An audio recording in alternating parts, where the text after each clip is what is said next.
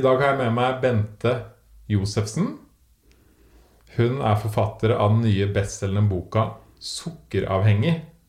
Bli frisk uten sukker, med metoden og maten som hjelper deg. Hun er utdannet innen avhengighetsmedisin med en spesialisering på suk sukkeravhengighet og er en av Norges fremste eksperter på feltet.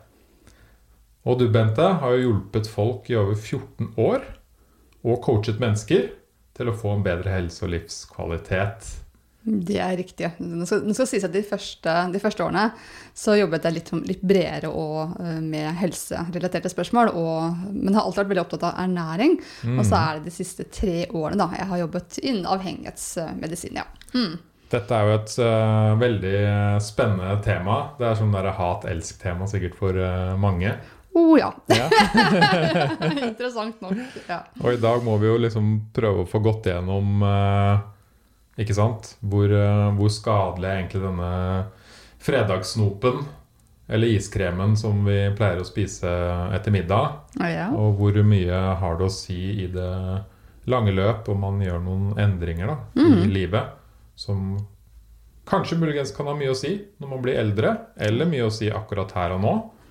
Ja, jeg er veldig glad i det her og nå-perspektivet. For, er, for de aller fleste er, så er det litt vanskelig å forholde seg til liksom, om du skal få dårlig helse når du blir 60 år. Det er litt vanskelig hvis du er 20 år. Da er man veldig i nuet. Så er sånn, de fordelene jeg kan få i dag, er ofte større motivasjon da, enn det som er langt der fremme. Mm. Men uh, hva er egentlig sukker? Hvorfor er, det, hvorfor, er det, så fælt? altså, sukker har jo for det første forskjellig virkning på oss. Det er viktig å si. Så er, det, jeg er ikke sånn antisukkerdame. Jeg må bare få frem det med en gang. Det er ikke sånn at jeg mener at ingen skal røre noe sukker. Nei. Bare for å vite at det her er nyansert. Så de, de, jeg hjelper, er jo de som da har en avhengighet til sukker. Mm. Da har man et annet problem enn de som ikke har det. Så det tenker jeg vi kommer helt sikkert tilbake til. Mm. Men det som er at mange kjenner på en måte ikke helt til altså, forbinder kanskje sukker bare med godteri. ikke sant? Det der hvite pulveret man har i en skål på bordet og strør over. Eh, men kanskje ikke på en måte ha forståelsen for at for det første så er den i dag da, tilsatt sukker i 80% av maten vi kan kjøpe på matvarebutikken. Det er helt ekstremt. Uh, og det er typisk sånn pastasauser, alt sånt som er prosessert. Alt ja. som er prosessert. Ja. Det, er, det, er, riktig. Altså, hvis du kjøpe en yoghurt, da, med mindre den er naturell, mm. så er den tilsatt sukker. ikke sant? Mm. Det er eh, som du sier, pastasauser. Absolutt. altså Alle typer sauser. Ja. Eh, men det er noen sånne verstinger da, som jeg tenker at kanskje ikke alle er oppmerksom på, som jeg på en måte brenner for å få frem, som man tenker på en måte bare er noe vi spiser. Mm. Og til og med kanskje man tenker at det er sunne, gode valg også. Eh, og noe de aller fleste spiser en gang i uka minst, det er jo denne tacoen. Ja. Om det er fredag eller lørdag. Så er det no! Hva er så gærent med den? Det er så nyttig å vite da, at dette er ferdig. Altså, når man kjøper sånn Santa Maria eller Tex-Mex, disse pak ferdige pakkene, mm. så er det en krydderpose i disse pakkene. Og i den så er det hele 50% sukker i. Oh. Ja. Og det tenkte man kanskje ikke over. Det er helt vilt. Det er helt vilt. Og det interessante er at dette krydderet kan man jo lage selv egentlig bare på noen sekunder. Mm. Så tenk å være noe tungvint å lage det selv heller, men da kan man faktisk profitere på det da, og bytte ut denne ferdige posen med å lage selv. Et annet, ja, for altså spisskummin smaker vel så å si nesten akkurat som tacokrydderet? Ja, så det eneste forskjellen ja. altså for, Hvis man ser på innholdsfortegnelsen på posene, så kan man jo på en måte kopiere det. Se hva er det inneholder. Det er spisskummen, det er paprika, det er løk mm. osv.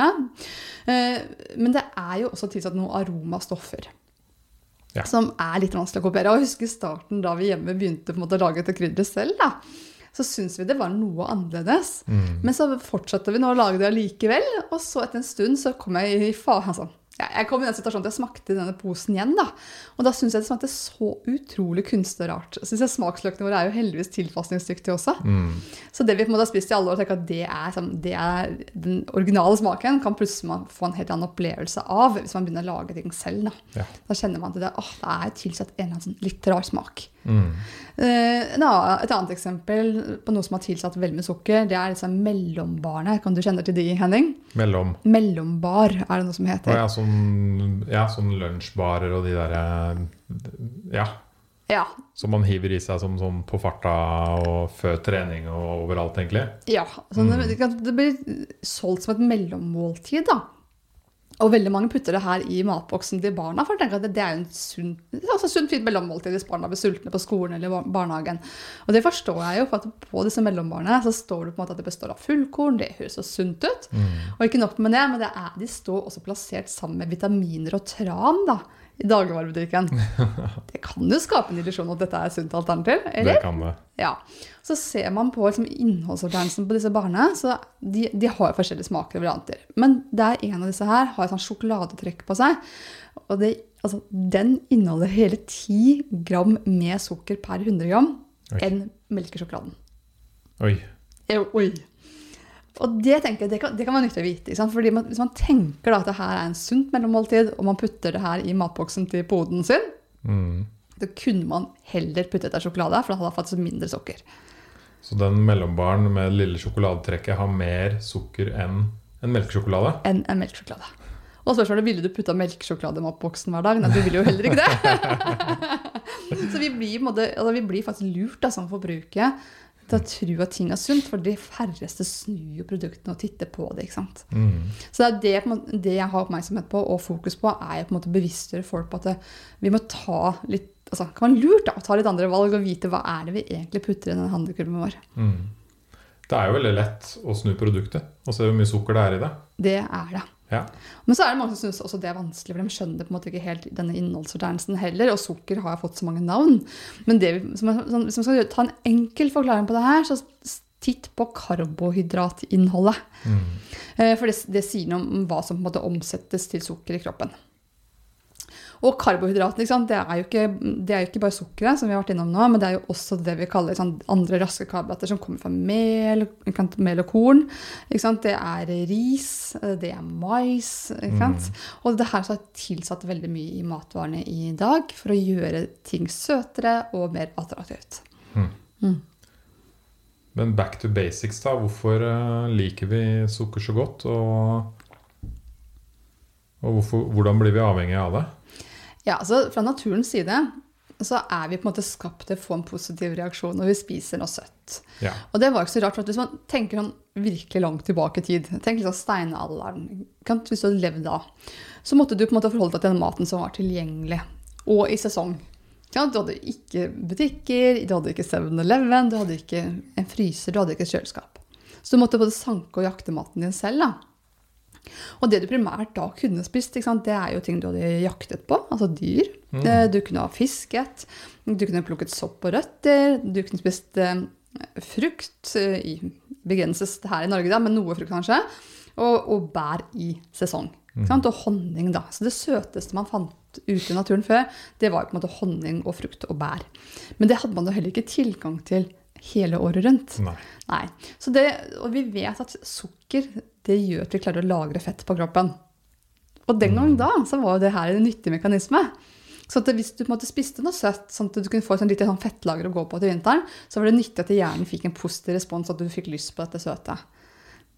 I dag er ikke den funksjonen så nyttig lenger. Nei, den er ikke det. Du trenger ikke å jakte, du trenger ikke å sanke, du trenger ikke å slåss med bier for å få tak i honning. sant? Altså, du Gå inn på 7-Eleven, så står det på en måte søte saker overalt. Ja. Overalt. Og vi har det på en måte på foreldremøter, hvis man har barn. ikke sant? Så nå er det litt mindre koronatider, men altså, du vet, alle hver gang mennesker samles, da, Mm. i vår vestlige kultur, i hvert fall, så setter vi frem gjerne noe søtt som skal spises. Ja, det er helt utrolig. Det blitt, ja, det er helt Det er møter, og det er alltid noe å feire, og alltid noe Alltid en kake eller noen boller stående, eller Twist, eller Ja, ja, absolutt. Og i dag er det jo fredag når vi spiller inn det her. Og hun, tiåringen vår da, skal ha skøytedag på skolen i dag. mm. Og da står det, står det på en måte i eh, ukeplanen at på denne skøytedagen så er det lov å ha med seg litt godteri. Og de, og de har ofte det her ukentlig, ikke sant? Mm. Og da har man jo satt en føring fra skolens side, og det er ikke så gøy å være de der kjipe foreldrene Ja, som ikke ikke sender med, ikke sant? Eh, og ikke nok med det at de da har skøytedag i dag og kan ha med seg noe godteri, så nevnte min datter at de skal spille noe sånn intern håndballturnering i morgen, da, lørdag. Og da skulle de også få godteri. altså, hun gledet seg jo. Så dette her er liksom blitt en sånn bonus vi det, altså Barn får ofte da, i disse dager. Mm. Men også voksne, ser vi. Det har jo blitt en del av kulturen, da, som du sier. Virkelig. Vi skal ha fredagstaco. Vi Ja. skal, barna skal ha fredagsgodteri. Og det voksne skal også ha fredagsgodteri. Ja. Vi skal ha potetgull. Det er noe du Det kribler litt når helga kommer, at du skal ha de tingene. Det er en viss forventning om det, og det skjer veldig med reklame også. Altså, skal du på kino som du har sjokoladen M, ikke sant? Mm. Så selv hadde jeg jo problemer med å gå på kino etter jeg sluttet med godteri, for hva skulle jeg der å gjøre? Det er unnskyldningen. Det snakka jeg og, og dama om her om dagen. At uh, vi, vi spiser ikke smågodt lenger. Men når vi går på kino, Da. da spiser vi oss kvalme på smågodt. Oh, oh. Men du spurte også du, Henning, hvordan man kan bli avhengig. For Ja. det, må vi, det må jeg jo svare på. Det er viktig. Det er sånn at vi, altså den Avhengighet handler veldig mye om genetikk. Stor del. Men så må det, være, det må jo være en kombinasjon av på en måte, ar eh, arvematerialet vårt og miljøet også. Mm. For Hvis jeg hadde bodd på en øde øy, så hadde jo ikke jeg utviklet en sukkeravhengighet. For jeg hadde ikke fått tilgang til nok til at dette her hadde blitt problem for meg. Da hadde det vært typisk sant? frukt, bær og litt honning i sesong. Mm. Eh, Da hadde jeg spist litt sånn naturlig mat. Men i det miljøet vi er i dag, og vi blir eksponert for sukker i den mengden vi blir, og fra vi er utrolig små, så har man denne genetiske sårbarheten for å utvikle avhengighet. Ja.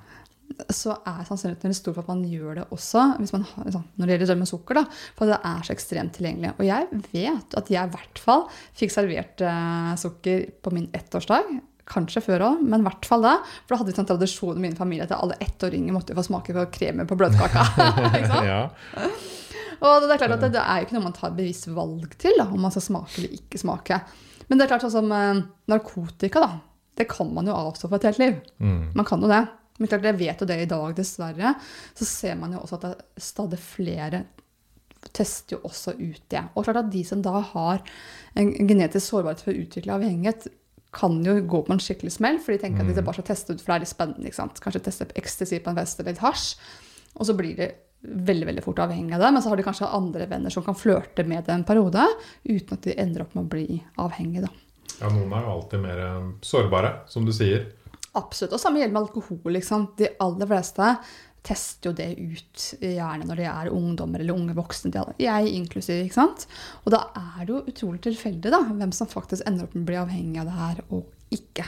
Ja. Så får man ha lett for å tenke at en som er avhengig av alkohol, er en som bor under en bru i Oslo. ikke sant? Men det er bare den synlige avhengigheten. Mm. Det er ekstremt mange rundt omkring som er avhengig av alkohol, som kanskje ikke skjønner det sjøl engang, Jeg føler på en måte dette blir virkelig ille, for all avhengighet utvikler seg over tid. da. Ja. Eh, og det, man skjuler gjerne atferden også for omgivelsene. Så det er mange som er til- tilsynelatende velfungerende, men som har et eller annet avhengighetsproblem. Mm. Det finnes jo mange avhengigheter. Kaffe, sukker, røyk, alkohol. Det er det, det er mange som er litt sånn skjulte også.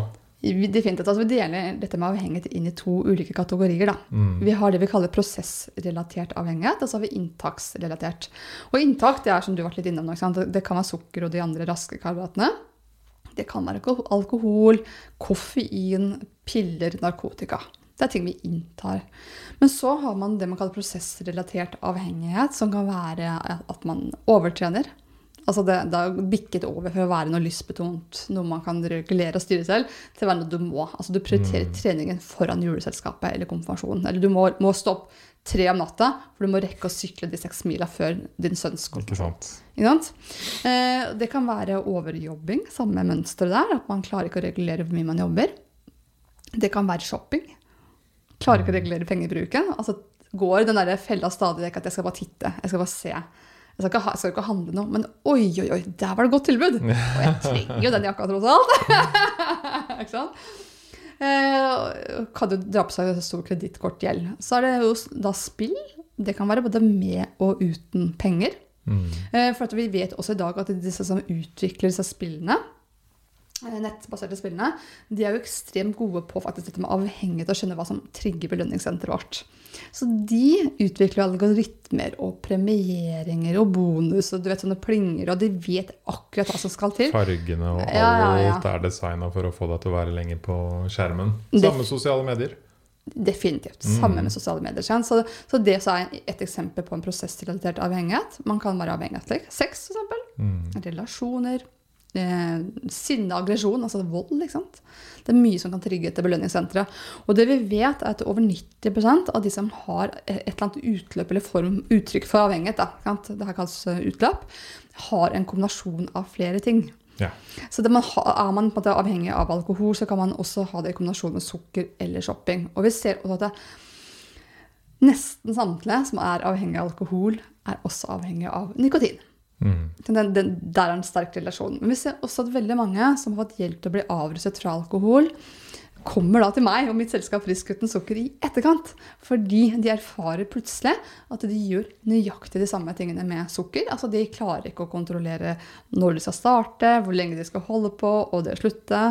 De får toleranseutvikling, altså må ha større mengde for å Mm. måtte få slutt på det der skriket i hjernen som man opplever. De får abstinenser når de slutter, de gjemmer og smiger. altså Nøyaktig de samme tingene som de gjorde med alkoholen, gjør de plutselig med sukkeret, og er akkurat like maktesløse. Ja, det har jeg for så vidt uh, hørt om flere jeg kjenner som slutta å røyke, men så har de bare begynt å spise helt sykt mye godteri. Ja.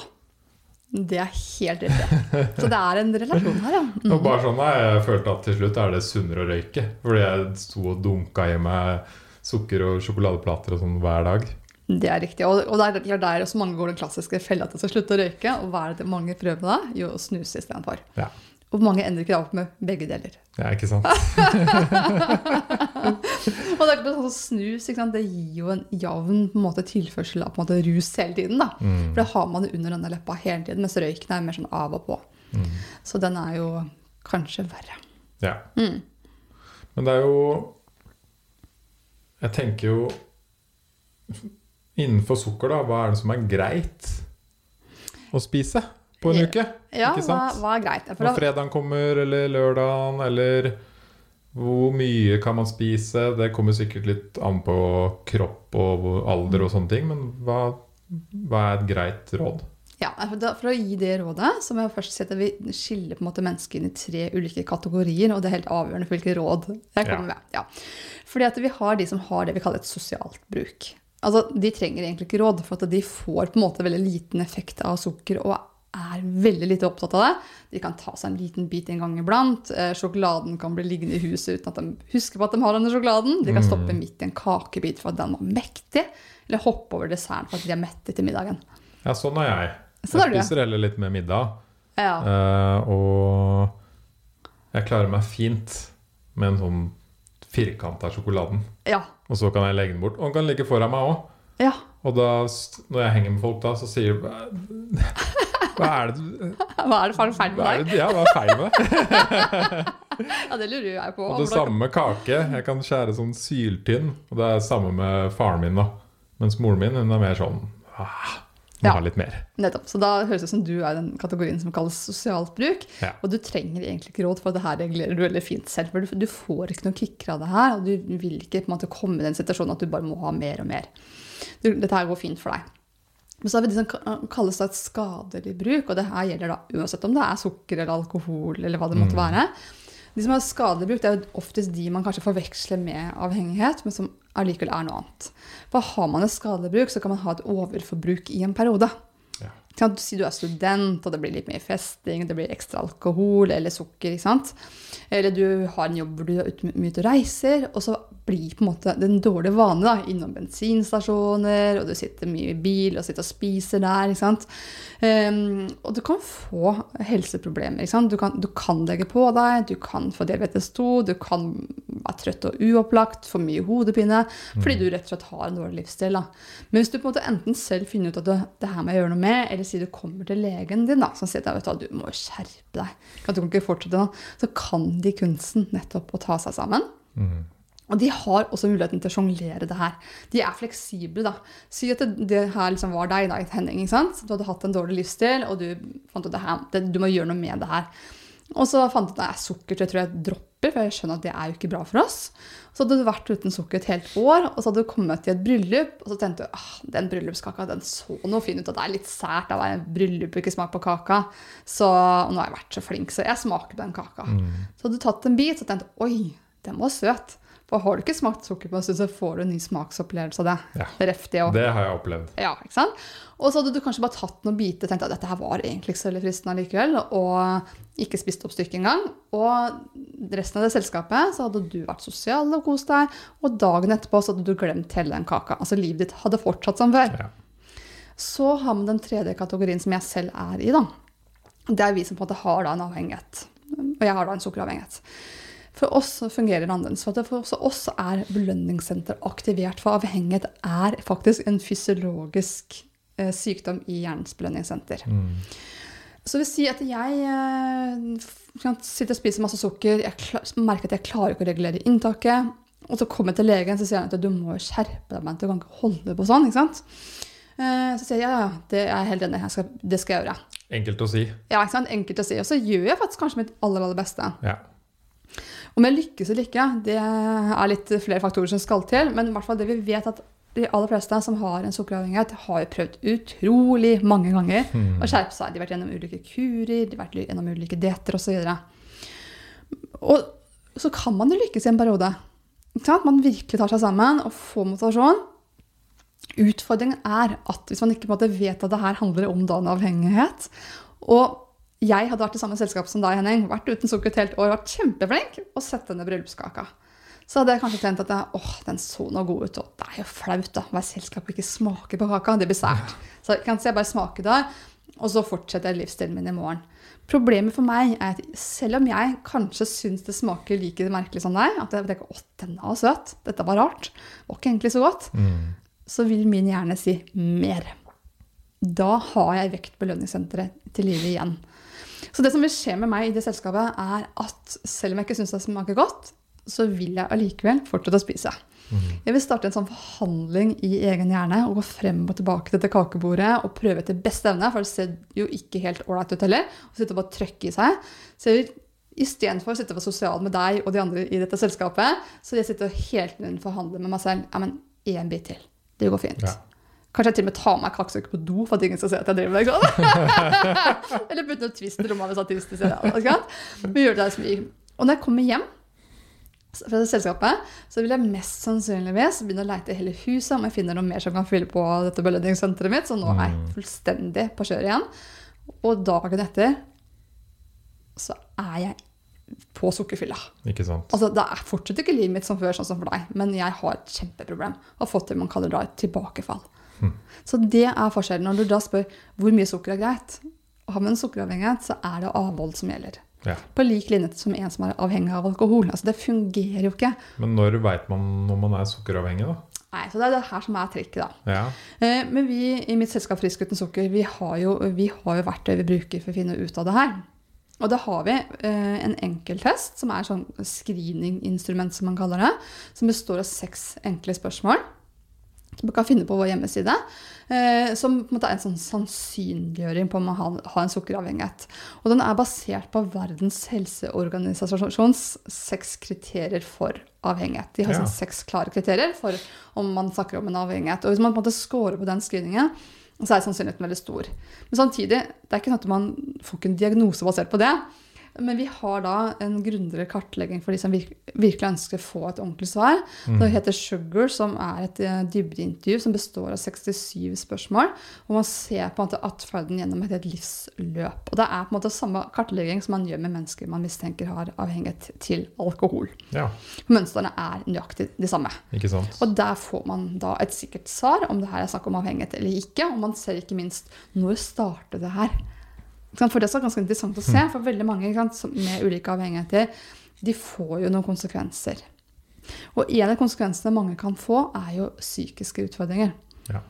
Og mange tror jo at man spiser fordi man trøstespiser. Det er ikke det klassiske at man bør stemplet som trøstespiser. Men når vi tar denne kartleggingen, så ser vi kanskje at ja, men de første symptomene dine de kom da du var sånn tre, fire eller seks, sju år. Hadde du da noen grunn til å trøstespise? Nei. Så den såkalte trøstespisingen har dukket opp senere, fordi at det, når man utvikler en avhengighet, så går det også på psyken, som gjør at man blir nedstemt. Og da blir svaret for hjernen å spise for å døyve alt. Ja. Ikke sant? Men først kom avhengigheten, så den har ikke startet fordi du trøstespist. Nei. Det er mer en konsekvens av at du har utviklet en avhengighet. Mm. Og det er viktig informasjon. Ja, det er veldig interessant.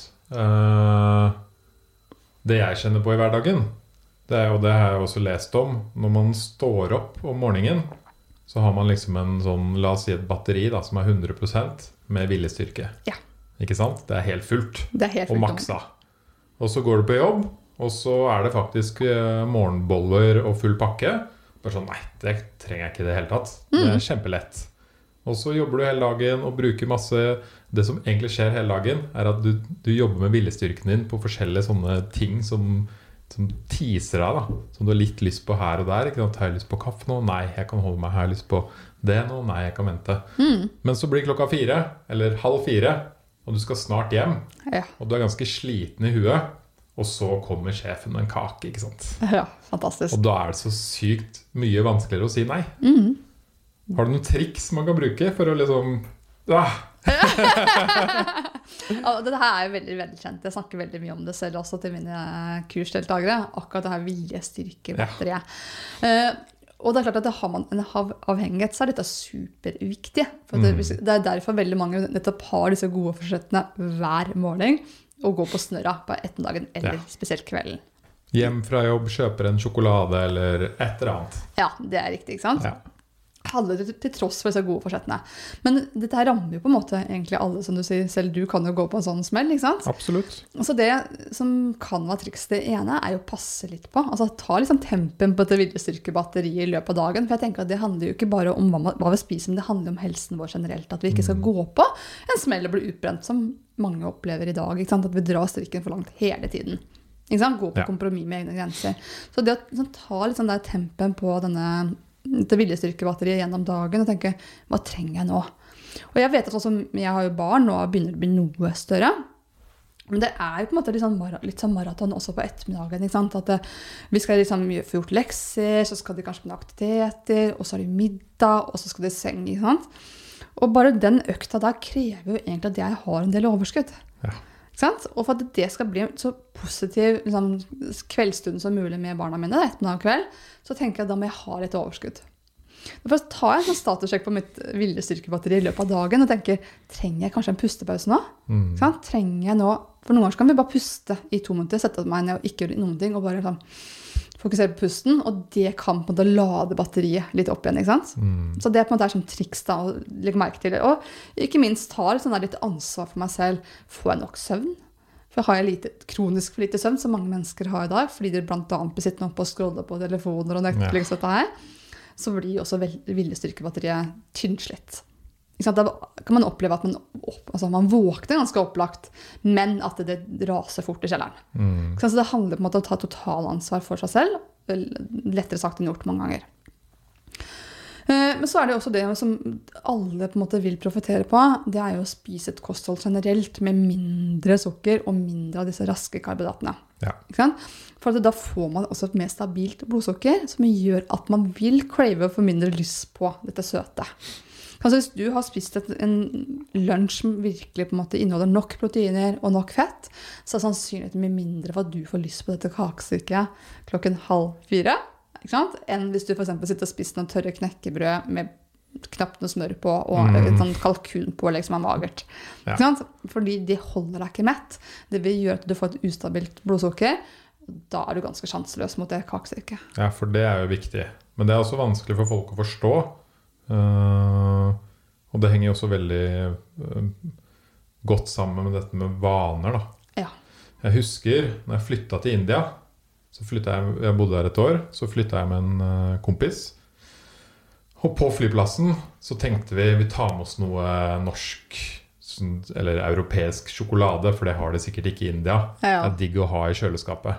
Så vi kjøpte to sånne svære poser med Twix. Hvor det var liksom alle de digge av sånne små sjokolader. og hver dag etter en lang dag på jobb så spiste vi middag. Og så spiste vi et par av de Twixene ja. i en måned eller noe.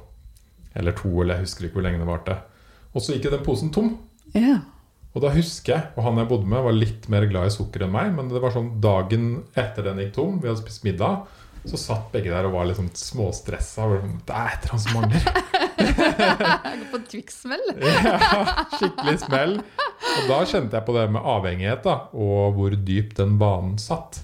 Hvor mye kroppen kroppen min ropte etter den lille sukkertreaten etter middagen. Mm. Og, og jeg var sånn Ok, det går greit, jeg klarer meg. Han jeg bodde med, han måtte løpe ned i butikken og finne seg noe. Han ble helt sånn altså han ble, jeg bare, Nei, jeg må ha et eller annet. Et eller annet, ja. Og det er klart at det her er ganske interessant og fint du sier, Henning. Um, spennende for øvrig at jeg bodde i India, det vil jeg gjerne høre mer om. Ja. jeg elsker annet indisk mat. ja. Uh, men det, det som er at det, at det, når vi snakker om avhengighet, så er det veldig viktig måte, å holde styr på hva er avhengighet, og hva er en vane. Ikke sant? For, For det lurer jeg på. ja, for det du snakker om nå, jeg tenker at her har du på en måte fått et, en vane, og du har fått et søtsug, for alle kan oppleve et søtsug. Ja. Um, og det er klart at sukker er på en viss, til en viss grad vanedannende. Altså alt man gjentar, skaper noen nervebaner også i hjernen som gjør at det er forventning om å gjenta nattverd. Mm. Uh, Og jeg tror alle har en sånn dame, og hun sa når jeg var gikk på ungdomsskolen, så jeg alt, kjøpte jeg alltid en sånn Bueno-sjokolade på bussen på vei hjem. ja, Lenge. lenge, ikke sant? Og det er mange som har den på veien hjem, så jeg tar med en liten en, i hvert fall. Ja? Som jeg kan ha på bussen. Og det er klart at har, man, har man gjort det i en periode, og så klarer man på å kutte det ut, eh, så har man heller ikke en avhengighet. ikke sant? Men det som er at har man, en, har man en, eh, utviklet en avhengighet, da, så er for det første det suget. Det er så mye sterkere. For det, kan- det søtsuget du kanskje har opplevd der, er som bare en promille av hva vi på en måte opplever. Altså Vi opplever i hvert fall ti ganger så mye. Det, derfor vi kaller det en craving, så ikke et søtsug engang. For det er Altså, det er ikke sånn at vi egentlig koser oss med det sukkeret. Vi spiser fordi at vi må, for at det skaper et ekstremt ubehag i hjernen å la være. Ikke sant? Et ekstremt ubehag. Mm. Og det kan sette seg også kroppslig. Vi får rett og slett abstinense kroppslig også. Og det kan være sånn du må stå, stå opp om natta, holdt jeg på å si, for å kjøpe den sjokoladen nesten. Eller, Ja. ja. Det, altså, noen gjør faktisk det. Noen våkner hver natt eller noen netter og står for å spise. Og noen har, har også reist langt for å få tak i noe. ikke sant? Mm. Absolutt. Eh, eller hvis du er villig til å krysse en uh, motorvei for at søvn lever på andre siden av gata så lenge det er to minutter, da kan du ha en avhengighet. Ja. Det vil du ikke gjøre hvis du har sosialt bruk eller skadelig bruk. Da klarer du å regulere deg. For den delen av hjernen det her styres fra, det er reptilhjernen. Og reptilhjernen er jo den som skal sørge for at vi overlever. Ja. Ikke sant? Så når vi, vi er på en måte en akutt fare, da Si du er på vei til å krasje med bilen din, eller du møter eh, en sint bjørn. Kanskje ikke så ofte du gjør det, men jeg har faktisk vært i en situasjon selv hvor jeg har stått i akutt fare for mitt eget liv. Mm. Og jeg vet jo da at da forsvinner på en måte all sunn fornuft. Altså den der frontlappen i hjernen ikke sant? er jo helt et annet sted. Eh, For alt blod også forsvinner faktisk liksom bort fra hjernen og ut i muskler. Mm. For at vi skal på en måte kunne flykte eller kjempe i en sånn type situasjon. Og når vi på en måte opplever sånn cravings som følge av en avhengighet, om det er sukker eller alkohol, eller hva det er, så forsvinner nettopp denne sunne fornuften som på morgenen sa at dette er dagen. Ja. Jeg skal skjerpe meg. Men så på kvelden, da, dette viljestyrkebatteriet er tomt, så forsvinner altså omløpet også i denne fornuftige delen av hjernen. Og så er det reptilhjernen som begynner å herje. Der er det ingen sunn fornuft. Den bare sier 'dette må du gjøre for å overleve'. Mm. Og da kan man tenke hvor, hvor, måte, hvor mye makt har man i en sånn, den type situasjon. Og hvis man aldri på en måte har vært i en situasjon hvor man har stått i fare for livet sitt, så vil jeg tenke i hvert fall de som er foreldre, da. Jeg har garantert opplevd noen ganger at man har blitt mer sint på barna enn man hadde ønska seg. Så tenker man på uff, å nei, det der var dumt. Å nei, det der skal jeg aldri gjøre igjen. Ikke sant? Men det gjør du. Ja. Ikke sant? Og det er jo samme delen av hjernen. ikke sant? For da går på en måte den der kapteinen i skuta på den fornuftige delen av hjernen. Den bare hopper på sjøen et lite øyeblikk. Og det er jo det som skjer her også ved avhengighet. at Derfor andre kan stå på utsiden og si men du må jo forstå at ja, men, du, må, du vet at det her ikke er bra for deg, du må bruke huet. Men det, den delen av hjernen er ikke koblet på i gjerningsøyeblikket. Så derfor skal man etterpå tenke hva skjedde? Altså Man føler nesten at man har vært litt i koma et lite øyeblikk. Mm. Mm. ja, det minner meg om en kompis fortalte om Han har klart det, da. Men han holdt på å slutte å, å røyke. Yeah. Og så hadde han kasta de Han hadde tatt liksom den siste sigg, og så hadde han eh, midt på dagen gått og kasta røykepakka i søpla si, da. Og ut i sånn felles søppelkasse. Og klokka ett om natta Da klarte han faen ikke la være. Da måtte han gå ned og ut i søppelkassa og grave opp den siggen igjen. Og jeg bare Dude, nå er du avhengig. Og da, da skjønte han det selv òg, da. Ja. Ikke sant? Da bare sånn wow. Og det er jo interessant, for det kan, det, nettopp denne atferden her er jo felles for alle avhengige. For en som er avhengig av alkohol, Hva gjør den? Jo, den heller ut flaskene sine, ikke sant? Ja. For å prøve å stoppe seg selv. Men det klassiske er jo at man ofte har igjen én flaske, sånn i tilfelle man nå bestemmer seg. For det flytende er jo vanskelig å, på en måte, å reversere, ikke sant? ja, ja. Men jeg med sukkeravhengighet, eh, meg selv inklusiv, eh, får jo også sånn derre Nå er det nok. For å få stoppe meg selv nå, så kaster jeg resten. For da, da har jeg på en måte kontrollen. Ikke sant? Nå skal det sies at Jeg har aldri plukket ting opp på søpla igjen, men det vet jeg faktisk mange har gjort. Ja. Det sier jo ganske mye. Men det jeg har gjort istedenfor, som ikke er noe mer intelligent, er å gå og kjøpe meg noe nytt. Ja. ja. det er det samme. Det er jo same, same. ikke sant? Mm. Så ikke spesielt økonomisk heller. Men man, man gjør jo alt, alt man kan da, Mm. for å prøve å ta tilbake kontrollen. Og første gang jeg gjorde dette, så syns jeg sjøl at jeg var utrolig smart. Ja. Men hvor lenge fungerte det? Altså det Sukker og andre raske karbohydrater er tilgjengelig overalt. Så Mm. noen på en måte reagerer mest på sukker, noen f.eks. på potet, gullbrød, pasta, ris og osv. Overspist på det her, og noen har en kombinasjon av alt det her. Ja. Det er jo spennende at du nevner uh, brød og potetgull og poteter og ris. Og hvordan henger alt det her sammen? Ja, altså Vi snakker jo om sukker, ikke sant? Ja, så Fellesnevneren for, for, for det her er jo at eh, karbohydratene som vi snakker om her, er på en måte det overordna ordet. Og det kan man dele inn i sukker og stivelse. Ja. Så sukker er på en måte godteri, det er syltetøyet, det er jusen, det er brusen. ikke sant? Og er tilsatt sukker i veldig mye mat. Yoghurt, jo. tacopulveret, Ja, det, mellombarn. Mellombarn, ikke minst. Mm. Men så har du på en måte den stivelsen. Det er på en måte korn og mel. Ja. Eh, Og det som påvirker belønningssenteret til en som har utviklet en sukkeravhengighet, faktisk på samme måte som sukker.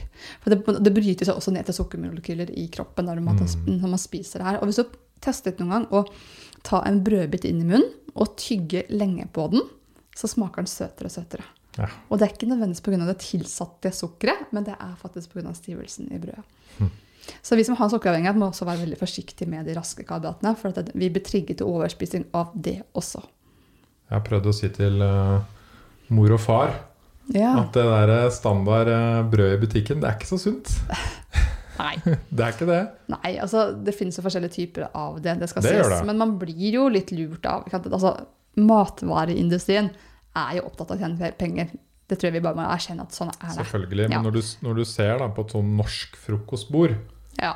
Det er synd å si det, men det er ikke veldig mye sunt Nei, på et norsk frokostbord. jeg tenker jo også noe om det. For at det, Ja. det vi vet, da, er jo at vi er ulike. ikke sant? Mm. Og har vi en sukkeravhengighet, så er i hvert fall ikke standard norsk frokost det beste Nei. for oss.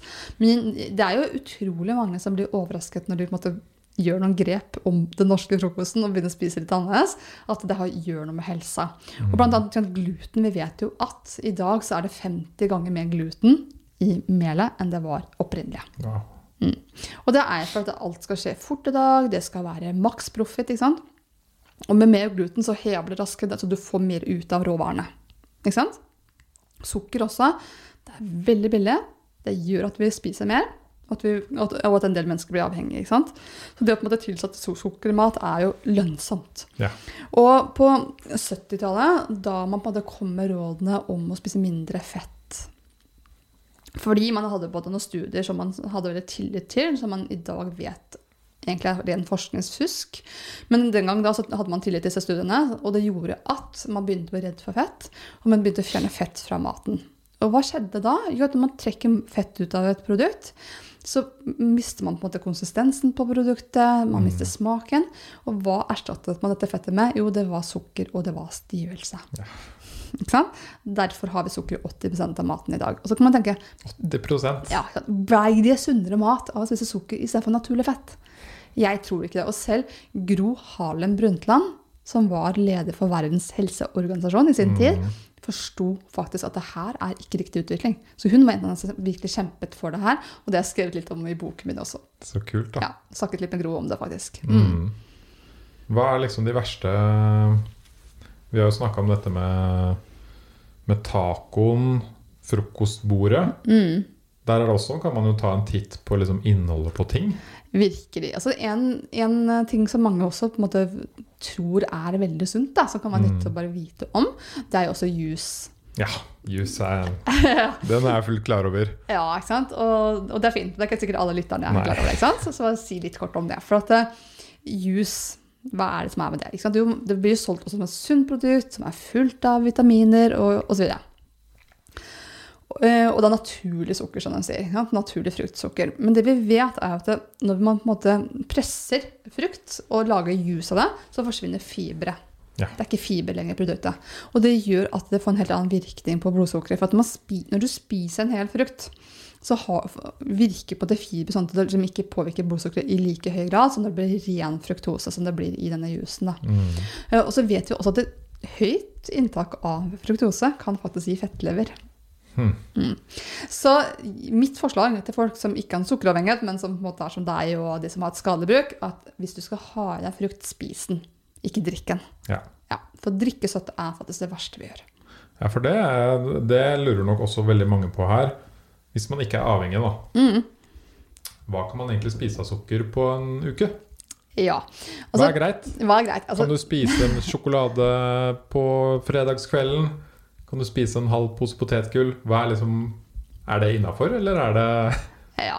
Nei, altså, jeg tenker at det her handler om altså, altså, Hvis man ønsker på en måte å ha denne kosen, man, og man klarer å begrense den da, si til lørdager, og man ikke har en avhengighet, så tenker jeg det er helt sikkert helt fint. Ja. Men så er det noe med å være litt, litt bevisst også mengder, ikke sant? Og der igjen også er matvareindustrien med på å hjelpe oss litt i feil retning, vil jeg jo si.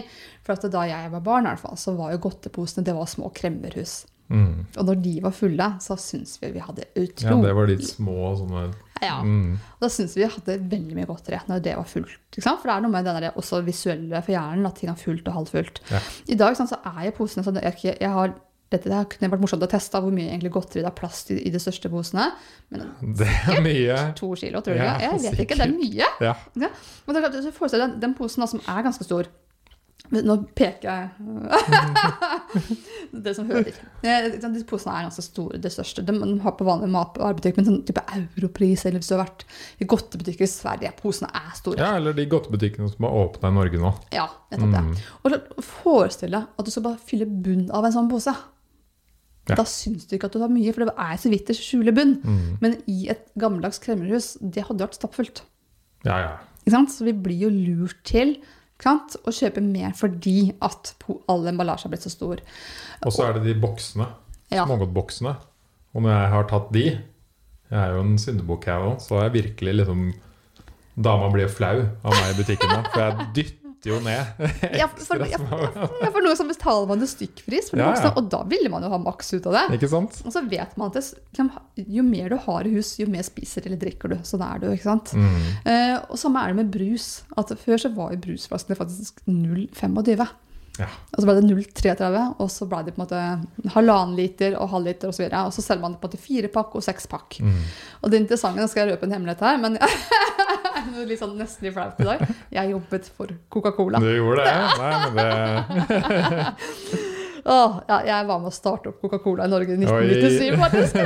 For Inntil da var det nemlig Ringnes som hadde på en måte produksjonen og salget av eh, Coca-Cola-produktene. Og så ønsket de på en måte å ta full grep om det her selv, og startet opp i Norge i 1997. Og da ble jeg ansatt der fra dag én. Hmm. Så jeg vet jo veldig godt hva de tenker. Og de halvannenlitersflaskene de har de jobbet lenge med for å prøve å få opp i tolitersflasker, for da får de jo enda mer volum. Men så har de slitt litt med at da får de ikke god nok kvalitet, og så får det på en måte konsekvenser for all emballasje og panteautomater osv. Men det har vært ønsket deres å skaffe disse toliterne. mm. Men hvis du går inn på sånn McDonald's, da, eller bensinstasjoner hvor man har disse dispenserne med brus, så pappjegerne, de blir jo større og større. Ja. Og volum. Det er, det er volum disse her måler på hele veien. Og det husker jeg bare forundra over, for jeg kan jo ganske mye om økonomi også. Da jeg jobba Coca-Cola, hvor utrolig opptatt de var av volum. Det er volum de måles i, og ikke nødvendigvis profitten. Oi, Det er ganske interessant. Så det er liksom hva er grunnen til det? Ja, hva er grunnen? Du skulle jo tro at uh, å selge mindre volum til en dyr og grei penge er det beste. Ja, ikke sant? Altså, de ønsker på en måte volum, volum, volum hele veien. Det er hvert land måles på volumet på de enkelte produktene. Og det er derfor de på en måte får større emballasje. Større, altså, om du så skrur ned prisen, skal de ha opp volumet. Men så husker jeg også for slutten, før jeg, før, før jeg sluttet i Coca-Cola, så husker jeg de eh, også snakket mye om sånn 365 graders markedsføring. Altså det vil Mm. si at eh, så tenk et vanlig menneske, Hvis du bare snur deg rundt, Henning, så skal du hvor enn du går, kunne bare sånn strekke ut en hånd og få tak i Coca-Cola. Ja. Dette er ikke myter, det er faktisk sånn det er. Mm. Og det sier jo litt, så nå jobber jeg med å prøve å reparere. Ja, det er bra, det. Det er ærlig, ærlig mission du er på. Ja, virkelig. Så jeg, på en måte, når jeg snakker om matvareindustrien, så er ikke det konspirasjonsteori. Jeg har vært på innsiden. Jeg har jobbet både i dagligvarebransjen og jeg har jobbet i industrien. Og jeg vet også hvordan, hvordan ting er avtalt. Altså produktplassering. Jeg jobbet faktisk som Space Management Manager i Coca-Cola. hvor, man hvor man analyserer forbruksatferden og vet nøyaktig sant, når en kunde går inn i butikken, går den til høyre eller går den til venstre. Hvor går blikket? Hvilken høyde? Så plasserte man på en måte produktene akkurat der man vet at man får forbrukerens oppmerksomhet, og der plasserer man de mest lønnsomme produktene. Så ingenting er tilfeldig i en dagligvarebutikk. Nei, Det er viktig at folk vet når de står ved den kassa. Ja. Så ser du tyggis, og så er det den sjokolader over. Ja. Alt er planlagt. Alt Og taco, altså tacolinja ser du jo veldig godt. ikke sant? Den skal du tenke på hele uka til fredagen kommer. Ja, ja, ja, absolutt. Og sant, med, med tanke på barn, ikke sant, så har man barneprodukter nederst. ikke sant? Mm. Så de, I den der høyden de er i. da. Og Og ikke minst det du sa, da, med å sette disse mellombarene Ja. sammen med tran og Vitaminer. vitaminer.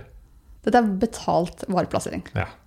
Leverandørene betaler ganske mye for akkurat de spesifikke plasseringene. Og de som betaler best, eller mest, får best plassering. Ikke sant? Mm. Uh, hva med energidrikk og sånn? Ja, det er fint du tar opp. Yeah. Det syns jeg er et interessant tema. fordi at uh, energidrikker er jo en uh, ganske sånn killer kombinasjon på koffein og sukker. Mm. Altså du får på en måte sånn dobbel Oi, beklager. Dobbel do, uh, potent uh, påvirkning på belønningssenteret for oss som i hvert fall har en sårbarhet for det. Så, det, så når du blander koffein og sukker, så gir det en kjempereaksjon i hjernens belønningssenter. Full liksom heaven. Yes, det er riktig. Og jeg mener at det burde faktisk vært forbudt. Ja. Og i hvert fall for barn.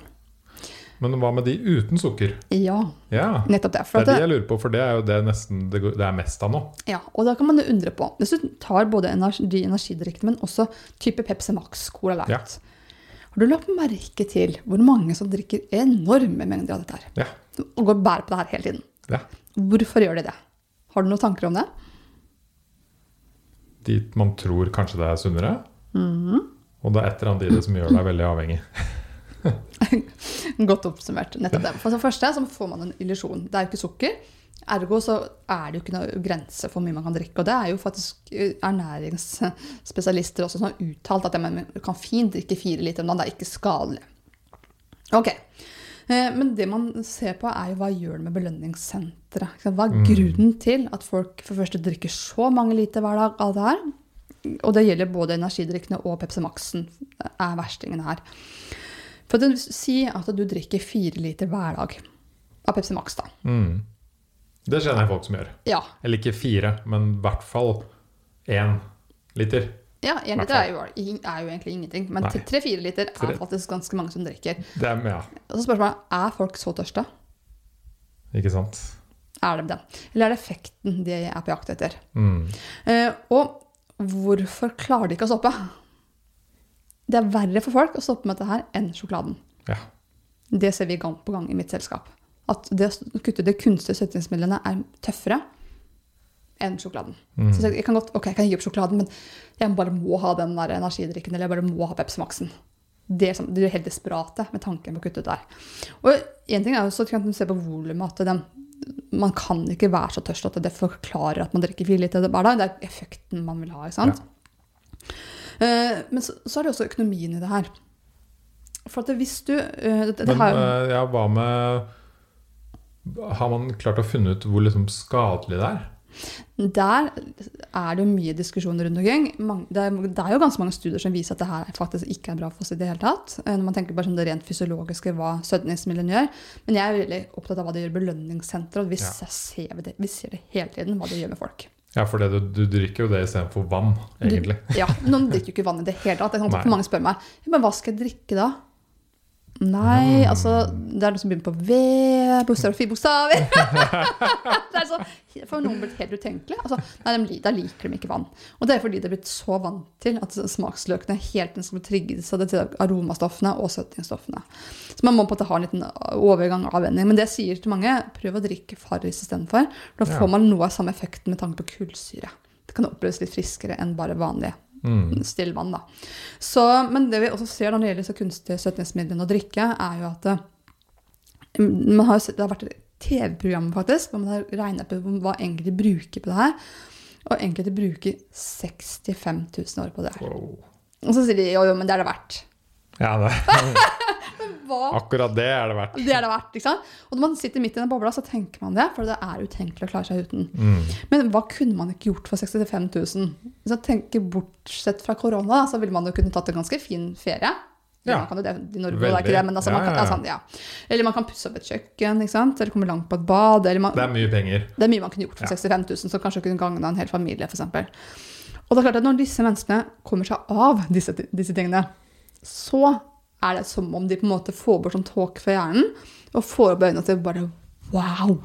What the fuck did I do? Ja, Hva er det jeg drevet med? Hva er jeg villig til å bruke så mye penger på det, liksom? Og kanskje noen har gjort dette i ti år, da. Da er jeg bare deprimert, da. Ja. Så ikke gjør det. Ikke regn på det. Nei, men, men det sier jo altså, vi, villige, altså, vi drikker så mye av det, og vi er villige til å bruke så mye penger på det, uten å stille spørsmålstegn ved det. Det er bare sånn Det er greit. Mm. Da er det en grunn til det, Hm. tenker jeg. Jeg er enig. Hva slags sykdommer får man av sukker, da? Som man har uh, klart å funnet ut av? Hva er det det ofte Altså, diabetes er vel en av, en av de eh, standardene. Ja, det er Ja. riktig. Altså, det, vi, kan, vi kan starte med diabetes. Absolutt er smart. For det, husk på det, I gamle dager så ble, kalte man det jo ikke diabetes, man kalte det suk sukkersyke. Og det beskriver jo en helt annen grad hva det her egentlig handler om. At det er et overinntak av sukker. Altså snakker vi diabetes type 2 og ikke 1. Mm. Uh, og man kalte det også et gammelmannssyke. Det handlet om når det inntraff. Så dette fikk gamle mennesker. I dag så får til og med barn diabetes 2. Og man trenger ikke få diabetes av å spise godteri. Nei, Det kan også like mye være den usunne maten du spiser hele tiden, da, det er riktig. som inneholder sukker. Fordi at vi har nettopp det, som jeg sa, tilbake til 1970-tallet, hvor vi liksom fikk denne oppfatningen at fett var så vanlig, så måtte det erstattes med noe. Det erstattes da med sukker og stivelse. Og så har vi sånn som Norge, så har vi jo en enorm brødkultur. Og jo, altså Vi tenker at det er jo sånn det er, men det er ikke sånn det er. På gå til Sverige, ja, mange spiser brød til frokost, men ikke til lunsj. Nei. Da er det varm mat. De kan ikke skjønne hvordan norske barn kan lære noe på skolen når de sitter og spiser matpakke. Altså det, det, for dem er det helt uforståelig. Altså Vi snakker Sverige, nabolandet vårt. Så vi har ganske sånn unik kultur på å spise så mye brød. Litt sånn som i Danmark, da. Man glemmer det. altså Man reiser jo ut i verden og så bare Å ja, det er ikke brød her, nei. Nei, ikke sant? Hvor er brødet? Ikke sant? Ja, sånn i India, ikke sant? Er Hvor mye brød spiser de? Det er kanskje tilbehør, men det er ikke Ja. måltid. ikke sant? Nei, nei, nei. Og i Danmark jeg tenker så lenge til, så har de kanskje rugbrød, en tynn skive og mye pålegg. Mens vi skal på en måte ha tjukke blingser, vi skal ha hvitt der er noe smør på denne brødskiva. Mm, Og gjerne noe magert pålegg og lite. Vi skal være nøysomme. Mm. Ikke sant? Skal ikke maule noe. Ikke sant? Men i sum så ender det ofte opp at man- folk spiser mer, for de blir fort sultne. Det holder, vi holder oss ikke mette på dette her. Så, det, så vi vet at mange får eh, et veldig ustabilt blodsukker av å spise veldig mye stivelse. Altså karbohydrater, brød, pasta, ris. ikke sant? Mm. Og når vi stadig får et høyt blodsukker, så har vi ett hormon til å regulere blodsukkeret ned til et fornuftig nivå igjen, og det er hormonet insulin. Eh, og spiser man mye karbohydrater, da, mye sukker, eh, og stadig måte har høyt blodsukker, stadig produserer mye insulin, så står vi i fare for å utvikle diabetes, som du er inne på. Diabetes 2, sant? som selv barn får i dag. Men det å gå rundt med mye insulin kan også gi betennelser og inflammasjoner i kroppen. Man ser det i relasjon til hjerte- og karsykdommer. Det var jo en studie på Universitetet i Bergen høsten 2020, Hunt-studien, som viste at oi, det var jo ikke mettet fett som ga hjerte- og karsykdommer, det var faktisk sukker og stivelse. Ja. Eh, og man så også at faktisk de som spiste mer mettet fett, bl.a. fra meieriprodukter, spesielt ost, hadde faktisk redusert risiko for hjerte- og karsykdommer. Ganske interessant. Men vi snakker også om det med Alzheimer. blir da kalt diabetes 3. Ja. Man ser altså en relasjon mellom kostholdet og utviklingen av eh, Alzheimer. Så da vi på en måte ble så redde for det fettet da, og begynte å spise så utrolig mye karbohydrater, så har vi fått en haug med livsstilssykdommer som man ikke hadde tidligere. Og i dag så er det jo sånn at over 70% av den voksne befolkningen har enten overvekt eller fedme. Og barna, mener jeg, hvis jeg husker riktig, jeg tror det er 27% av barna Ja. Altså, det er helt vanvittig. Og det, jeg tenker det er bare et symptom på at vi spiser feil mat. Det er ikke at folk er dumme eller ikke hører på Absolutt. myndighetsråd. Altså, vi spiser det vi blir fortalt, det som er tilgjengelig. Men spiser man måte mye mat da, som inneholder så mye sukker, så skaper det kanskje søtsug, og så går man rundt og småspiser hele tiden. Mm.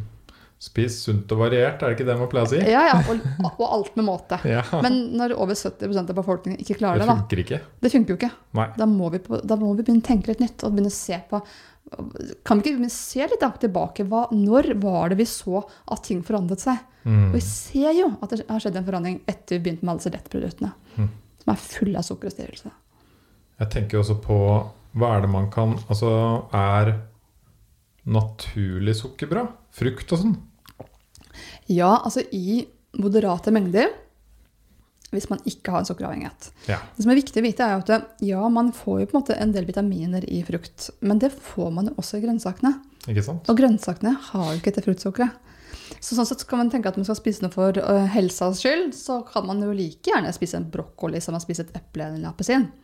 I utgangspunktet. Mm. Men så er det selvfølgelig, jeg skjønner at noen syns at frukt er godt, men man snakker Ja, så er det jo lettere ofte å spise en banan da, enn å en tygge seg en brokkoli. Syns du? Jeg tror folk tenker det. Ja, og det skjønner jeg jo. Eh, Men det, som- det som er at Vi snakker jo om fem om dagen, har vi hørt mye om. ikke sant? Gode, gamle fem om dagen. Gode, gamle fem om dagen. Og tidligere så ble det på en måte forstått som at da kan man gjerne spise fem frukt om dagen. Ja.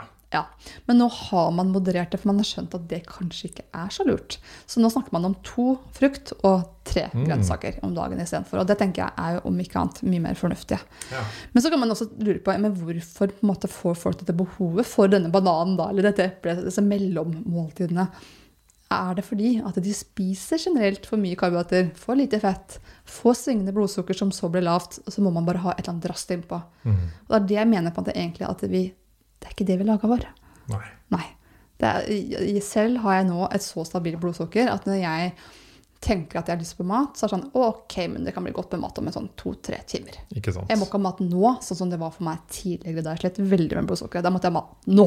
Mm. Ja, det er, det er jo veldig, veldig inn om dagen med fasting. Ja, Ikke sant? Og der snakker de jo om, mye om det. Det er riktig. ja. Og- Og fasting det kan jo på en måte være alt fra det vi kaller periodisk faste. At man bare tenker at Ja. man har et mindre spisevindu. Og med spisevindu så mener man det antall timer man spiser i løpet av døgn. Det er det som er på en måte veldig populært nå, da. Ja, At man, man har satt av en tid hvor man kan spise, og så prøver man å ikke spise utenom det. Ja, og det så har jeg beskrevet en del om denne boken min også, forklare hvorfor. Altså hvorfor er det lurt, og for hvem. For det er ikke lurt for alle. Mm. Men det vi har blitt fortalt, er jo at de skal spise sånn lite og ofte for å holde blodsukkeret stabilt. Ja. Og det er fordi at som følge av det kostholdet vi har i dag, spesielt i Norge, så får man et ustabilt blodsukker, og da må man fylle på hele tiden. Mm. Men hvis man ser også på mage- og tarmsystemet vårt, så kaller jeg det her beiting. At vi går og spiser hele tiden. Eh, og i USA så er det så ille at man har målt det her, hvor mange ganger i løpet av døgnet folk spiser. Og en gjennomsnittlig amerikaner er oppe i 27 ganger. Wow. Yes! Altså de, fyller, går- de går og fyller på med noe hele tiden. Ja. Og da kan man man merker hvor avhengig man blir av det òg. ja, og da kan man tenke at det her har jo nok noe med at uh, den gruppen som da har utviklet en avhengighet, og alt det syngende blodsukkeret, og at man blir ikke mett av sukkerholdig mat. Eh, og det som skjer med mage- og tarmsystemet, at det får jo ikke noe hvile mellom hver gang man putter på noe. Og det er egentlig vi, vi er skapt for det, vi mennesker. Å ha et hvile i mage- og tarmsystemet mellom hvert måltid. Vi skal ha måltider, så skal vi ha en pause, og så skal vi ha måltid. Ikke gå og spise hele tiden, for det gjør nemlig dyr som beiter. gjør det. Ja. Men vi er ikke beitere. Så hvis vi på en måte tenker sånn spisevindu, sier at du eh, hopper over frokosten, for eksempel, da, som vi jo har blitt fortalt er så utrolig viktig for oss. Så du hopper over frokosten, så har lunsj første måltidet, og så spiser du siste måltid klokka seks. Da Da har du et spisevindu på seks timer. Da får mage- og tarmsystemet ditt 18 timer hvile i døgnet. Mm. Ja, for akkurat den metoden har jeg gjort nå i noen år. I noen år, ja. Ja. Har du trivdes med det? Veldig. Ja. Jeg har mye mer energi. Ja. Jeg er mye mer konsentrert. Ja.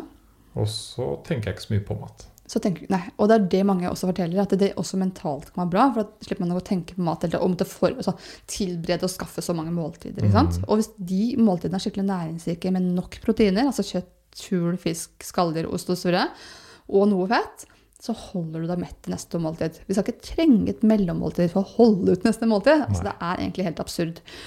Men så er det sånn at vi er forskjellige, og folk med diabetes 2, for noen av de så er det uheldig å hoppe over frokosten, fordi at leveren produserer sukker om natta.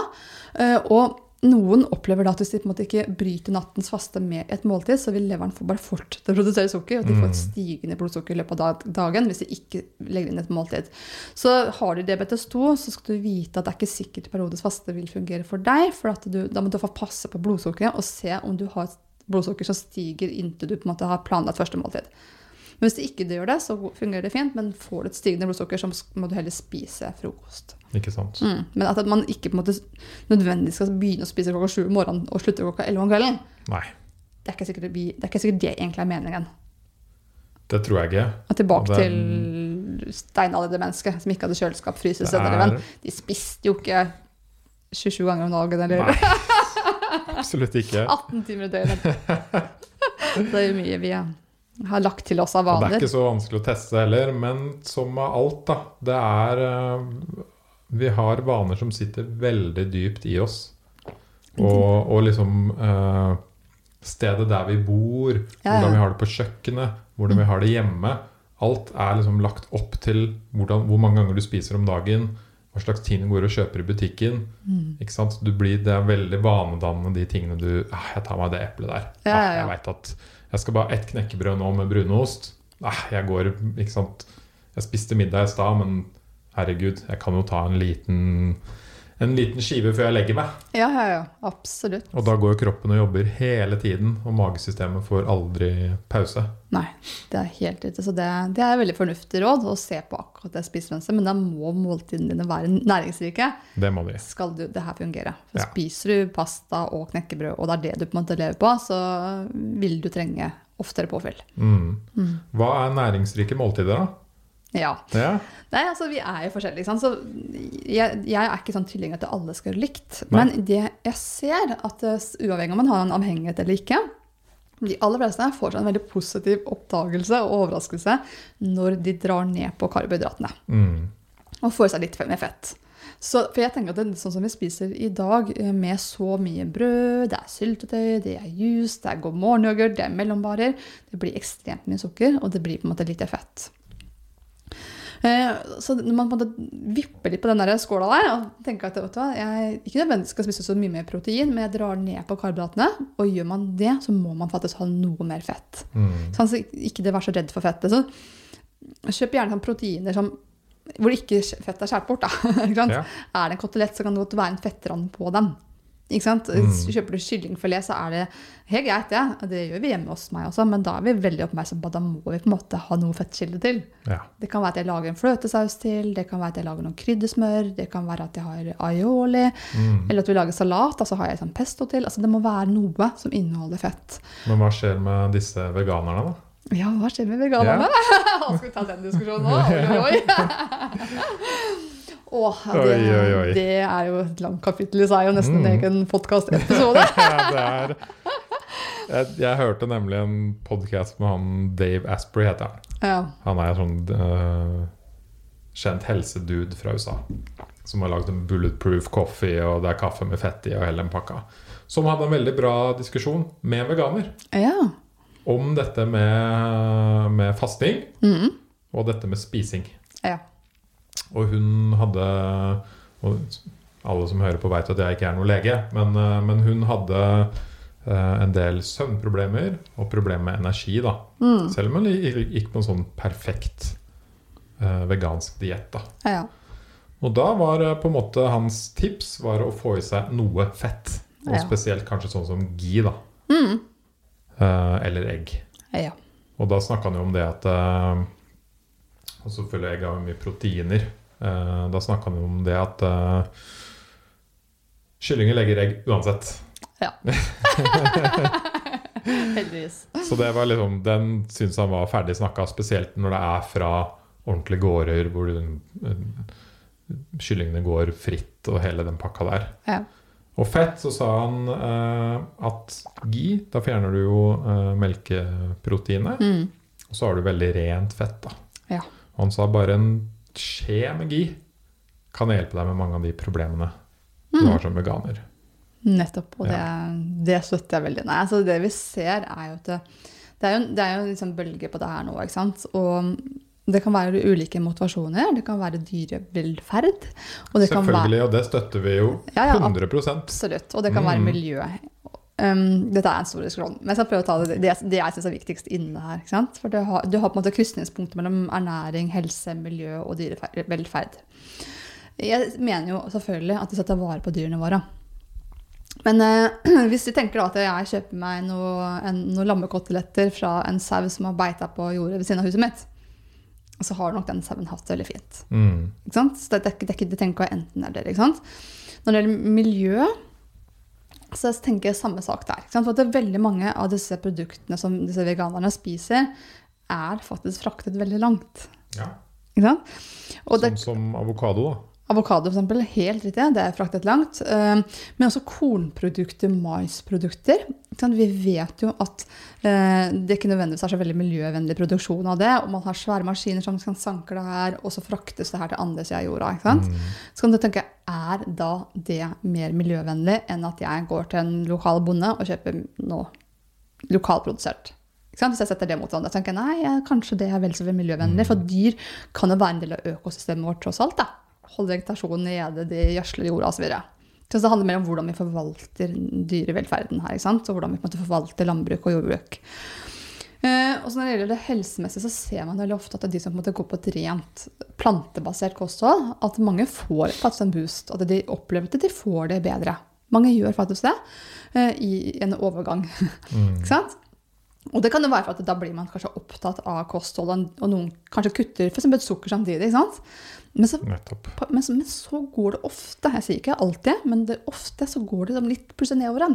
Så kommer det snikende symptomer, så tenker man kanskje ikke at det er relatert til kosthold. Man tenker jeg har jobba litt mye, og det har vært litt mye nå, ikke sant? derfor er jeg litt sånn sliten. Men for at det, proteinene fra planter og proteiner fra dyr har forskjellige egenskaper. Og vi mennesker har jo egentlig spist proteiner fra dyr i veldig mange år, da. Ja. Vi har jo det. Så det, det, det har ikke lik virkning på kroppen. Og mange sant, også fordi at det, Hva er det man bytter ting ut med, da? Mm. Hvis man ender opp med å spise utrolig mye karbohydrater, veldig mye melprodukter, så, ja, det er jo dumt. så er det dumt. Selvfølgelig. Og det er det faktisk en del som gjør. Mm. Det spiser i hvert fall sånn vegetarisk, og så spiser en brødskive med syltetøy. Det er kanskje ikke det sunnere for kroppen Nei. enn å spise en kotelett eller en biff. Men det som jeg sier til de som kommer til oss som på en måte, kommer med det her, så sier jeg at har du en sukkeravhengighet, så er dessverre det der en dårlig løsning. For du, du vil ikke på en måte få kontroll på belønningssenteret med, med det kostholdet der. Men kan du være villig til, som du var inne på, det med egg? Det hjelper utrolig mye hvis Ja. du spiser egg. Men også fisk eller skalldyr. Ikke sant? Ja, det må på en måte ikke være kjøttet. Ikke Men egg, fisk, skalldyr, da kommer du veldig veldig langt. Mm. Men så ta, ta, ta tilbake til det med det miljøperspektivet også. For at det, det var en undersøkelse her som viste at det, skumgodteri, sånn der, sånn skumnisser og sånne eh, svamper og sånn der, det er mer, altså mindre bra for miljøet enn, enn kua på. Novågården.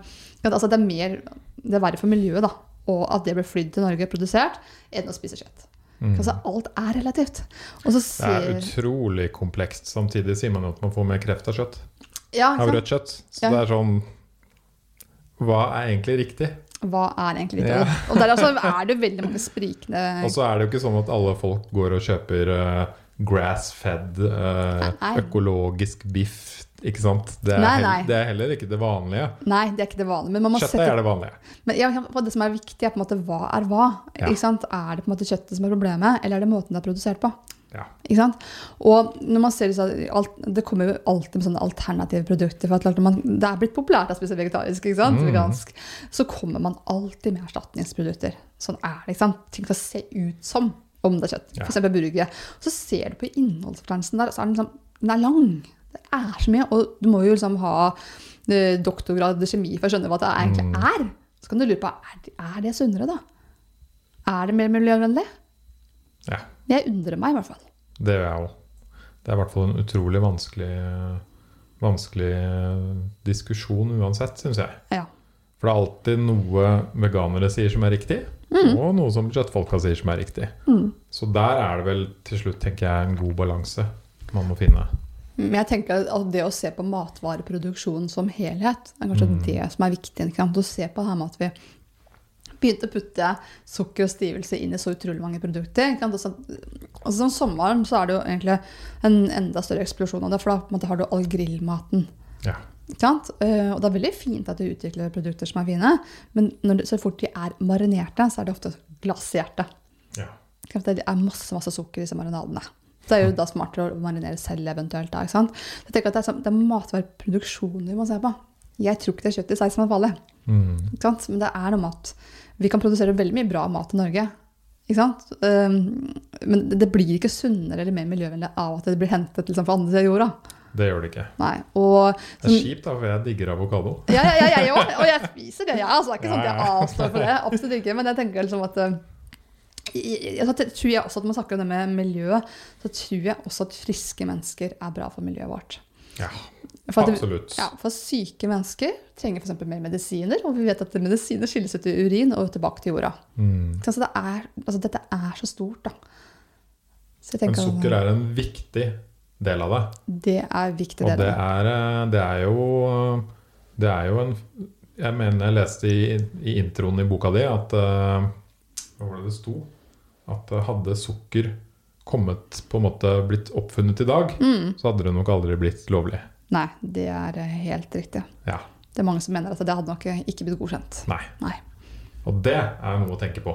Ja, ja, ja. Når man liksom tenker over hvor mye sukker man spiser, og hvordan man får det i seg. Og, og det er jo, som du har sagt flere ganger i dag, viktig å begynne å bli bevisst på dette med at det er sukker i alle disse prosesserte tingene. Mm. Definitivt. Og så tenker at det er litt sånn, litt sånn spennende tankeeksperiment her. da. For at Mange blir jo liksom provoserte når jeg snakker om dette med sukker. Ta fra oss kosten, og det er jo, dette er jo bare liksom tomme kalorier, og spis bare litt med måte, osv.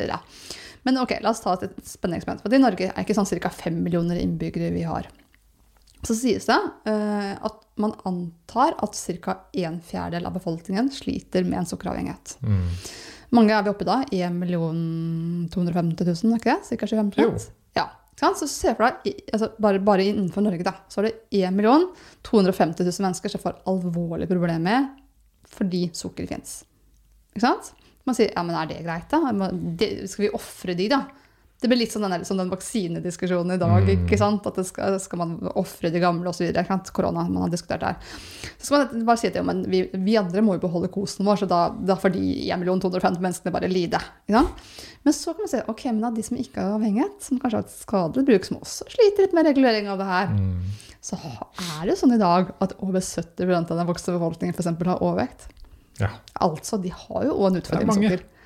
Og mye er 70% av 5 millioner Altså det er voksne befolkningen, da, men vi er vel Mm. 3 millioner voksne. 70% av det. ikke sant? Altså, det begynner å bli store tall. Ja. Se for deg denne folkemassen. Ikke sant? Mm. Det begynner å bli ganske mange nå. Eh, så det er i hvert fall 2,1 millioner mennesker der. Ikke sant? Som da sliter som følge av mm, det vi spiser i dag. Og derfor kan du lure på hadde vi godkjent det her i dag hvis vi visste på en måte følgene av det her. Jeg tror ikke det. Nei. Og Det kan høres naivt ut å tenke at det her går det an å gjøre noe med, for det er jo sterke krefter bak det her. Og det fikk jo også da Gro Harlem Brundtland eh, erfare da hun prøvde å påvirke via sin rolle i Verdens helseorganisasjon. Ja. Så fikk hun virkelig som hun sier, erfare sukkerlobbyens makt. Eh, De var ikke spesielt blide, og de ble jo også truet med å trekke For der er jo penga. Virkelig, ikke sant? Og de truet med å slutte å støtte bl.a. WHO, fordi at WHO ville på en måte at anbefalt sukkerinntak skulle være maks 10 mens liksom det var krefter som ville ha det til å bli 25 Det er jo helt sinnssykt at en fjerdedel skal ha sukker liksom, av det vi spiser. Det gir jo ikke mening. Så hun fikk jo virkelig, virkelig erfare det. Men det, det, det jeg tenker som gir meg litt sånn troa på at det går an å påvirke, det ene er jo å gi folk opplysninger Mm. ved f.eks. sitte her i dag, Henning. Hvis noen hører på det her og blir inspirert til å gjøre grep, så har jo hver enkelt menneske faktisk makten til å ta valg for seg. Eh, og det andre tenker jeg at når vi ser også historien med eh, røyk, hva Dagfinn Høybråten fikk til Han var ikke veldig hot og populær en liten stund der. Jeg tror de fleste syns at det grepet han gjorde med røykeloven, var fornuftig. Jeg tror ikke det er så mange som savner røyken på restauranter og hoteller og inne frisøren. Og nei. Det er ganske deilig å slippe den røyken overalt. Mm. De fleste syns jo det i dag. Og de som røyker til og med, syns jo faktisk de fleste at det er fornuftig å gå ut og røyke. Ja, det vil jeg si. Så, så jeg tenker at det er jo mulig. Det er, er mulig. mulig. Men er det noen krefter der som prøver å få til noe nå? Er det noe Skjer det noe? Ja, ikke sant? Altså, jeg er jo en av de som prøver å påvirke det. ja, ja. Det er kjempebra. Med å skrive bok, eh, holde kurs for å hjelpe folk, eh, Ja. ha på egen podkast, Sukkerpodden, skriver kronikker, blir intervjuet av media osv. Eh, Kjenner du noen av disse helsetoppene eller noe?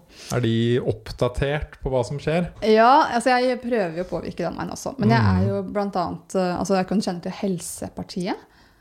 Nei. Nei, Helsepartiet er jo et altså det, For lenge har de holdt på? De har jo holdt på en god stund, så den siden nydannet er litt feil, men de har jo ambisjoner om å komme seg inn på Stortinget. Og er det eneste partiet som måtte ha helse som sin viktigste sak i Norge. Ja. Men som du sier, det er, det er jo uansett grunnlaget og påvirker jo alt annet i samfunnet. Mm. Og det har jo koronaen kanskje vist oss. Er ikke helsa på plass, så har vi et problem. Og de advarte faktisk mot at vi ikke hadde beredskap for en eventuell pandemi før koronaen kom. Mm. Og de spurte meg om å skrive mm, en resolusjon for avhengighetspolitikk i Norge, som jeg har gjort, og som er blitt vedtatt på landsstyret, og som vil forhåpentligvis kunne gjøre en forskjell i fremtiden. Wow. Ja. Spennende. Ja, absolutt. Og jeg snakker også, jeg har noen politiske kontakter som jeg snakker med. Ja, Som, ja, ja. Men ting tar tid innenfor det politiske Det gjør det absolutt. Ja. Mm. Så ok, topp tre tips da for å bli kvitt eh, sukkeravhengighet, eller roe ned med sukkerinntaket. Hva er det? Ja. Eh, igjen blir det litt fristende å dele liksom, på de som har en avhengighet, og de som ikke har det. da. Ja. Ok, la oss ta de som ikke har en avhengighet først. Ja, de som ikke har en avhengighet. Da tenker jeg at eh, prøv å luke bort de verste sukkerbombene dine. Du kan begynne å titte litt på det du kjøper. Jeg tenker Ta bort flytende sukker. Ja. Sant? Juice og brus. Det er, det er veldig smart. Titt på øvrige produkter. Altså, Si du har lyst på yoghurt. da. Hva med heller å kjøpe deg naturell yoghurt? Gjerne gresk eller tyrkisk, for de har litt mer fett enn den der klassiske naturelle fra Tine og sånn. Ikke vær så redd for fett, da. Og heller tilsett f.eks. bær selv. Du kan tilsette bær, du kan tilsette kokosmasse, kanel. altså, ikke sant? Um, og så tenker jeg at det, vurder om det går an å spise litt mindre brødmat. Ja, Ikke sant? Det går an, det. Man kan spise eksempel en salat istedenfor brødskiver til lunsj, men da må du passe på at det er nok protein i, og at det har opp litt fett, så du holder deg mett. For å sitte og spise salatblader blir jo ingen mett av. Du skal, altså, ikke vær redd for å være mett. nei, For er du mett, så fungerer du bedre, og du holder deg mett mye lenger. ikke sant. Du skal være tilfredsstilt etter måltidet. måltid. Og da kan du ha egg, kylling, fisk, kjøtt. Ja. Ikke sant? Absolutt. Mm. ikke sant? Og gjerne, du kan godt bruke olivenolje over er salat. Du kan Ja. ha en pesto, aioli, majones en gang iblant. Så kan man begynne å diskutere om de oljene er bra nok, men Men da må man igjen sjekke da om den aiolien inneholder masse sukker. ja, sant. Og det, og det som er, ikke jeg sa at det er jo sukker i 80 av matvarene. Ja. Så skal det sies at det, noen av de inneholder så såpass små mengder at selv jeg som har en sukkeravhengighet, spiser det. Mm. Altså, man finner faktisk ikke en kokt skinke uten sukker. Nei. Hvilket jeg syns er trist og forferdelig unødvendig. Jeg håper å få gjort noe med det i fremtiden. Men mengden mengdene er likevel såpass små at det ikke trigger mitt belønningssenter. Mm. Så jeg, så jeg, jeg spiser det allikevel. Mm. Så det er ikke sånn at du må ha null eh, sukker for å på en måte ha et ålreit liv. Men et lite triks da, kan det være hvis du snur på emballasjen så titter på karbohydratinnholdet. Inneholder det under 5 gram karbohydrat per 100 gram, så er det snakk om små mengder. Da er det greit. Da er det på en måte greit for de Ja. aller fleste. Ja. Ja. Så det er kanskje sånn konkret tips. Hmm. Mm. Så, Det var to. To råd. Ja, ta bort det flytende, sjekke sukkeret. Og, og, altså, Og kutte ned brødmat. kutte ned brødmat, ja, riktig. Mhm. Og faktisk begynne å tilsette noe med fett. Altså spis ordentlig. Altså, skal du spise smør, eksempel, ta meierismør. Mm. Brelett istedenfor margarinene. Ja, margarin er bare tull. Margarin er bare tull. Det er et erstatningsprodukt som man eh, skapte en gang da man var tom for smør. Det blir som erstatningskaffe under krigen. Vi trenger ikke å fortsette med det. Ja. Så spis ordentlig Ja. Spør. Eller gi. Mm. Mm. Siste tips for de som ikke er eh, avhengig.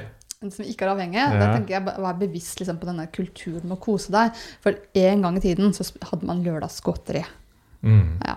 Og da hadde man kanskje ikke så mye livsstilssykdommer som man har i dag. Og det med å vurdere de tankesettet For vi tenker at ja, men jeg må kunne kose meg. Ja, men så koser jeg til sykdom. Ja. Så er kanskje ikke det så smart. Så kanskje gjeninnføre, da. hvor mye koser du deg egentlig? Koser du deg hver dag, så er det litt for mye kos. Da blir det litt for mye kos. Ja. Det- Så det er ikke krise om man sier nei takk til en bolle. Nei.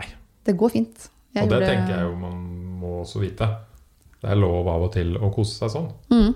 Men skjer det hele tiden, så går det litt Da har du vippa over fra kos til å bli liksom litt for mye og, og litt avhengighetsskapende og ja. Definitivt. Jeg tenker sånn som i skolevesenet. Jeg savner på en måte at de har nyanser når det gjelder kos.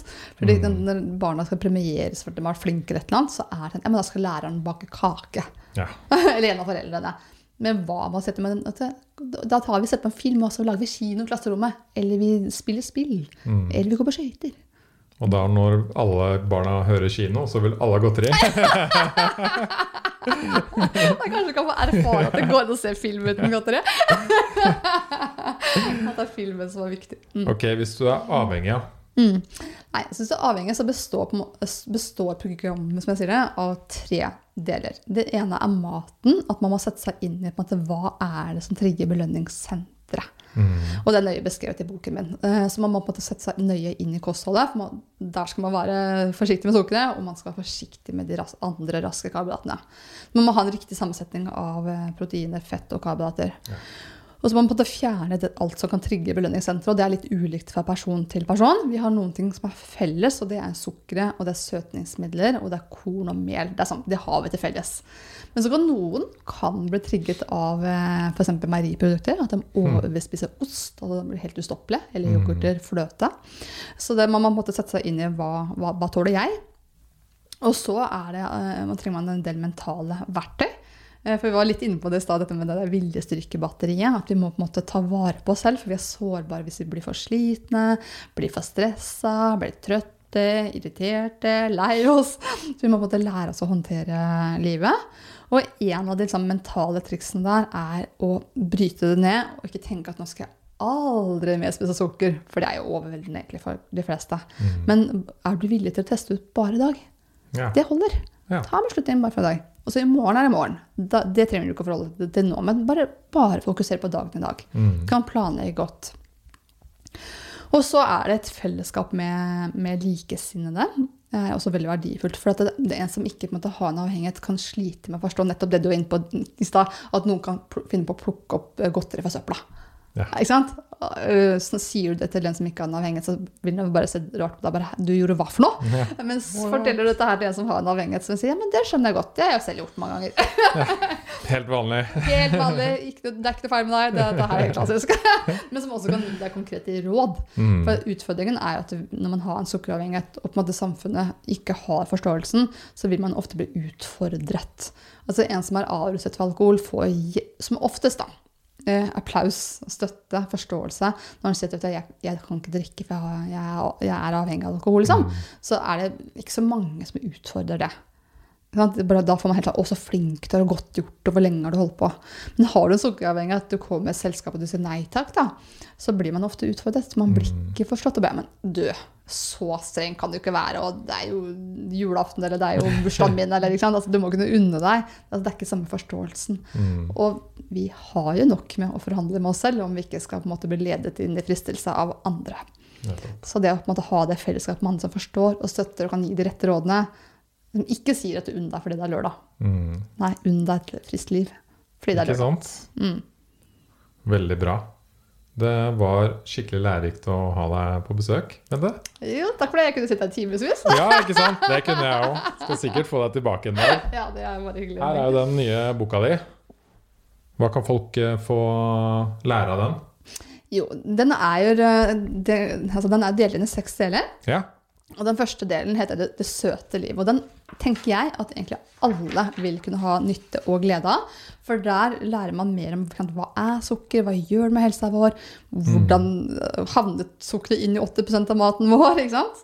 Så man får en forståelse for mekanismene i samfunnet. ja. den kosekulturen vår. Så den er allmenn, vil jeg jo si. Eh, del to er en sånn generell bit som handler om all type avhengighet, og hva egentlig avhengighet er. Som også tenker jeg er utrolig nyttig, for at ca. 25% av befolkningen har en avhengighet. Så om du ikke har det selv, så har du kanskje noen i familien din, eller du har en nabo, du har en arbeidskollega, en venn. ja. Så det er på en måte forstå liksom, hva er egentlig avhengighet. Veldig, veldig viktig. Mm. Og så del tre, den handler spesifikt om uh, sukkeravhengighet, hva det er for noe. Og i eh, del fire så har vi det vi kaller FUS-metoden, som står for frisk uten sukker-metoden, som også på en måte kan være til stor inspirasjon for alle som ønsker å ta tak i helsa si. Og ta vare på seg selv. Og så har man en del som handler om hva man forventer når man gjør den forandringen. Mm. Og så har man til slutt 40 fantastiske gode oppskrifter som alle kan ha stor glede av.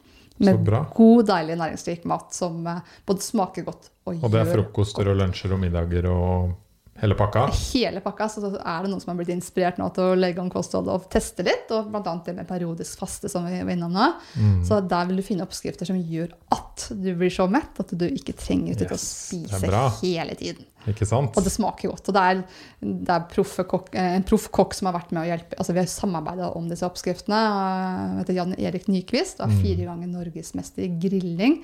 Så om det ikke er grilloppskrifter, så er det jo en rådyktig kokk. da. Og flink fotograf, så er jo bilde av alle oppskriftene også. Det syns jeg er jo litt hyggelig.